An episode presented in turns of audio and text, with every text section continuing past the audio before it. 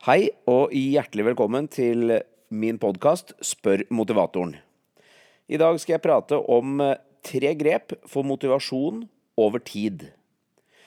Vet, de fleste av oss opplever gjennom et langt liv å miste motivasjonen fra tid til annen. Det blir sånn at vi ender opp med å spørre oss selv hvorfor driver jeg egentlig med dette? Hvorfor er faktisk et av de beste spørsmålene du kan stille for å finne fram til din egentlige motivasjon, men i dette tilfellet så blir det bare hengende i luften som et eh, endelig uttrykk for frustrasjonen du føler over at det du gjør, ikke gir mening lenger. Du vet, Når du går på en ny oppgave, enten det er jobb, et forhold eller et oppdrag, så er du jo spekket med motivasjon. Det er akkurat dette her du vil. Så hvor blir motivasjonen av til slutt? Jeg tenkte å dele noen konkrete tips med deg i dag for hvordan du kan holde motivasjonen over tid, bl.a. basert på erfaringer jeg har gjort i arbeidet med Ole Einar Bjørndalen. Han har holdt seg i verdenstoppen i 25 år i en idrett som krever total dedikasjon hele året. Og om han begynner å stille spørsmålet 'Hvorfor driver jeg egentlig med dette?', så er han nødt til å finne svar med en gang. Hvis ikke er det over og helst bør han ikke komme dit i det hele tatt. Så tips nummer én du må havne på riktig hylle. Når du gjør noe du liker, som du mestrer, og som er i tråd med dine verdier, så vil du automatisk få ut det beste av deg selv. Tips nummer to du må eie det du gir tid til. Forskjellen på om du er deltaker eller tar eierskap til det du skal gjøre, er avgjørende for måten du går til oppgaven, og hva du tenker og føler om oppgaven. Når du er deltaker, går du på trening fordi det er den tiden på døgnet, og for å gjøre det treneren ber deg om, eller på jobben. Når du eier oppdraget, går du på trening for å komme deg et skritt videre mot målet. Denne økten passer inn i ditt puslespill, og det du gjør, har mening. Tips nummer tre bruk energi på det du får gjort noe med. Altfor mye tid brukes på å fantasere om hvordan livet ville ha vært hvis bare. La meg gi deg bare et sånt eksempel som, som, som belyser dette litt. Min eldste datter Sara hun skulle opp i norsk muntlig når hun gikk i 10. klasse. Og i mitt hode så burde det være plankekjøring. Hun kan norsk, og hun er flink til å formulere seg. Og i tillegg så hadde hun vist utmerkede egenskaper i å prate lenge og sammenhengende, spesielt på telefonen. Og så ender hun opp med å få en treer. Og det burde ikke være mulig med hennes forutsetninger. Men allikevel så faller nok litt av dette her på plass når du ser på omstendighetene. Tema for eksamen, det var Knut Hamsun. Og min datter hun var ikke spesielt opptatt av karakterer, så hun trengte en grunn for å anstrenge seg. Hamsun vekket ingenting i henne. Tvert imot, og skulle bruke av sin verdifulle tid på en eller annen fyr som ikke lever lenger, og som ikke hadde satt noe spor i hennes liv så langt, virket nærmest meningsløst. Oppgaven ble selvfølgelig prioritert deretter. Så når eh, boka til slutt ble åpna, så var det med forventninger om at dette kom til å bli det kjedeligste denne uka. Og forventningene ble selvfølgelig innfridd. Og da hun fikk oppgaven, så spurte hun hvor lenge må jeg prate, og svaret var ti minutter. Og hun var bare sånn hæ? Hvordan i all verden skal jeg fylle ti minutter om en kjedelig fyr som levde når pappa var ung, eller om mulig enda tidligere? Og med dette bakteppet her, så skjønner du sikkert at en treer faktisk var en ganske så snill karakter.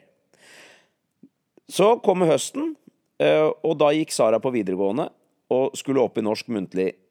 Men denne gangen så kunne hun velge tema selv. Og som den største beliberen i verden var valget helt opplagt. Hun skulle snakke om Justin Bieber. Og min datter var fortsatt ikke opptatt av karakterer, men nå var alt snudd på hodet. For dette her var tross alt et viktig tema. Da hun spurte hvor lenge hun fikk prate, og fikk beskjed om 15 minutter, så var hun i vantro. Altså, Hvordan i all verden skulle hun kunne gjøre et rettferdig utdrag av livet til dette geniet på bare 15 minutter? Altså, Håret hans alene kunne fylle en hel time. Så Sara hun eh, rydda kalenderen for alt annet fjas og gikk til oppgaven med alt hun hadde. Venninner ble rådført, og motvillig så kuttet de vekk fra hans rike liv. Tenk deg den fremføringa. Altså, innholdet var selvfølgelig udiskutabelt, men hvilken fremføring tror du det var? Hun bobla selvfølgelig over av lyst til å formidle og gi sensoren et innblikk i den forståelsen av gaven verden hadde fått ved at Justin Bieber hadde valgt jordkloden som sitt tilholdssted. Og hun fikk selvfølgelig karakteren seks. Samme fag, samme jente. Treeren kom etter feil hylle og total mangel på eierskap. Sekseren kom fordi hun havna på riktig hylle og tok totalt eierskap til oppdraget. Ole Einar Bjørndalen har aldri lurt på hvorfor han driver med dette. Han har tilrettelagt for å kunne fortsette.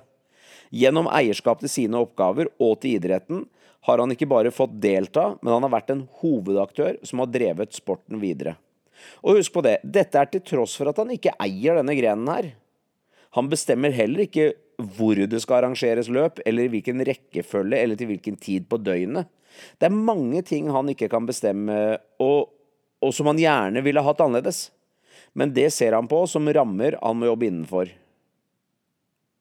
Og så kommer da spørsmålet er du på riktig hylle. Eier du det du gir tid til? Bruker du energien på det du får gjort noe med?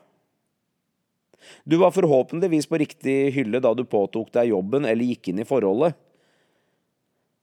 Og hvorfor driver jeg egentlig med dette spørsmålet, kommer gjerne som en konsekvens av at du har gått på autopilot for lenge og vært deltaker i stedet for eier av din posisjon.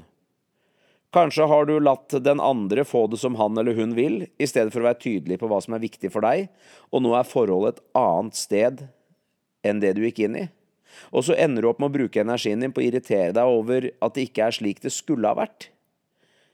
Kanskje du gikk inn i jobben din eller oppdraget ditt med høye visjoner, som etter hvert har blitt middelmådig fordi hverdagen og realiteten har fått deg til å gi opp. Du skulle gjerne, men Det er noe som heter at du kan irritere deg over at rosebusker har torner, eller glede deg over at tornebusker har roser. Hva du fokuserer på, avgjør ditt forhold til busken og ditt ønske om å pleie den. I hverdagen, når livet går på autopilot, er det lett å glemme rosene og kun kjenne tornene hver gang de stikker. Da er det på tide å reise opp og se etter rosene. Så finn rosene, aksepter tornene og ta ansvar for å stelle godt med dine rosebusker, så kommer motivasjonen tilbake. Og slik holder du motivasjonen over tid. Takk for at du har eh, hørt på i dag. Jeg kommer snart tilbake med mer, og hvis det er ting du trenger, så finner du meg på motivasjon.no eller på Øyvind Hammer på Facebook. Ha en fin dag.